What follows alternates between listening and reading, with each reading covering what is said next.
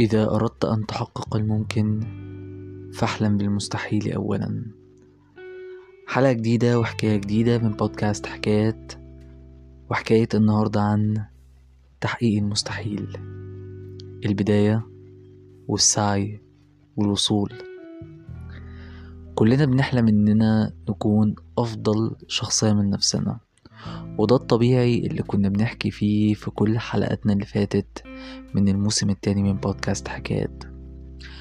ولكن قبل ما نقول إن إحنا بنكون بندور على أفضل نسخة من نفسنا إحنا بنحاول إننا نوصل للنسخة دي بأفضل طريقة ممكنة سواء كانت عن طريق نجاح مبالغ فيه نجاح مادي أو نجاح معنوي أو أي شيء يعبر عن أشكال القدرة المادية والمعنوية لحياتنا.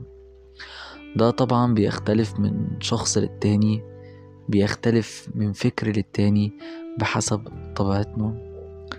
ولكن بنرجع في النهاية نقول طب إحنا إزاي نقدر نحقق كل أحلامنا؟ الجملة اللي بدأنا بيها حكايتنا النهاردة احلم بالمستحيل تحقق الممكن. عمرك ما هتوصل للممكن إلا إذا كنت أنت بتدور على تحقيق المستحيل. المستحيل ده هو سقف طموحك. سقف طموحك اللي بتحاول إنك توصله وبتسعى بكل قدراتك إنك تحققه. لو كان سقفك قريب يبقى ممكن ما توصلوش إلا لمسافات قريبة. أما لو كان سقفك بعيد أو سقفك ما كانش له حدود فصدقني هتفضل تسعى وهتفضل توصل لحد ما توصل للي انت بتتمناه ويمكن أكتر كمان. ولكن السعي الحقيقي مش بيجي ما بين يوم وليلة. السعي الحقيقي بيجي من التكرارية والتعلم بالخطأ. يعني مثلا لو انت حبيت انك تحقق شيء معين في حياتك توصل لتارجت معين في حياتك توصل لهدف انت حاطه قدام عينيك بتفرق كتير قوي في طريقتك إنك إزاي توصل للهدف ده. إذا كان للهدف ده طريقة واحدة أو طريقة أنت اتعلمتها أو زي ما بيقولوا كده دي طريقة تقليدية بتفرق كتير قوي لأن قبل ما أنت ما تجرب الطريقة دي في غيرك كتير قوي جربها. ولذلك إذا كنت أنت قادر تبدع في طريقة جديدة ده هيخليك أفضل بمراحل من أي إنسان تاني. من هنا جينا ودورنا على الطريقة اللي تقدر تحقق بيها أهدافك. الهدف الحقيقي في إنك إزاي تقدر تعمله بطريقتك الخاصة. مش كده وبس إزاي تقدر تستمر عليه؟ لو قلنا إن أنت ممكن ما تبقاش شخص بتحب الروتين لكن كل يوم عايز تقول لنفسك إن أنت بتعمل حاجة جديدة وحاجة مفيدة دور إزاي تنجح في استخدام طريقة اسمها القيمة المضافة. القيمة المضافة هي مش نظرية موجودة بس في أسلوب التسويق أو في أسلوب الاستثمار ولكن أنت إزاي تقدر توظفها في حياتك علشان تقدر تحقق بيها كل النجاحات الممكنة. خليني أقولك إن طريقة القيمة المضافة هي طريقة من أسهل الطرق الممكنة اللي ممكن تتعلمها في حياتك لأن البدايات دايما بتكون سهلة. البدايات دايما بتكون بالترغيب.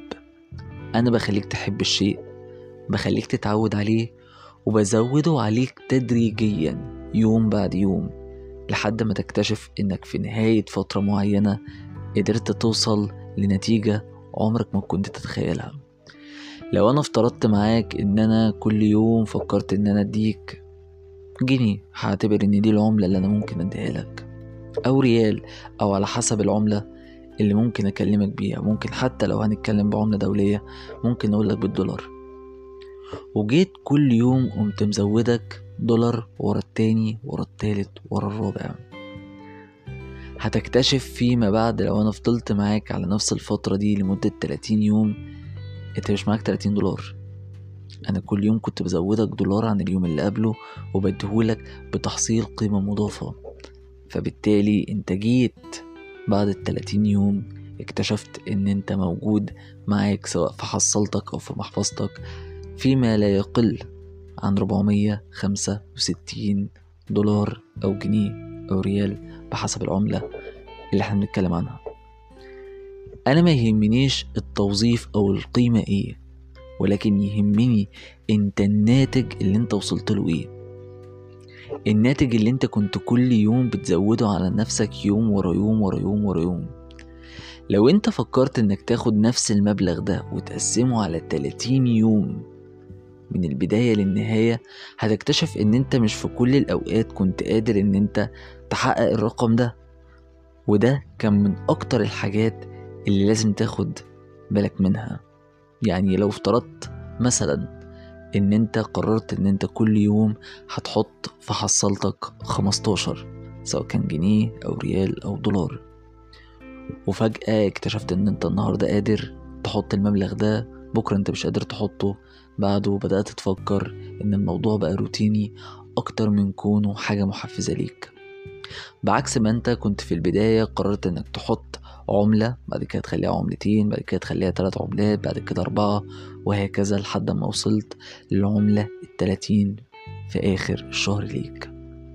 بتفرق كتير قوي في حياتك مش بس لو أنا بقول عنها بطريقة الأرقام أو بطريقة إن أنا بقولك إزاي تدخر أو إزاي تستثمر ولكن فكر فيها لو أنت قررت إنك تتعلم حاجة أو تحقق حاجة أنت نفسك فيها.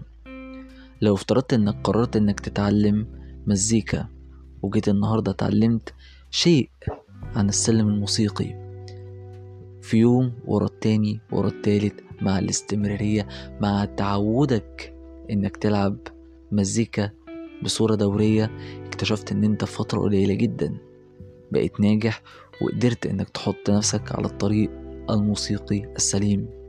مش بس على شكل الموسيقى ممكن في حاجات تانية كتير. مش لازم تكون بس فنيا ولكن علميا. لو أنت قررت إن النهاردة تذاكر صفحة بكرة صفحتين بعده تلاتة أربعة خمسة عشرة في اليوم العاشر وهكذا.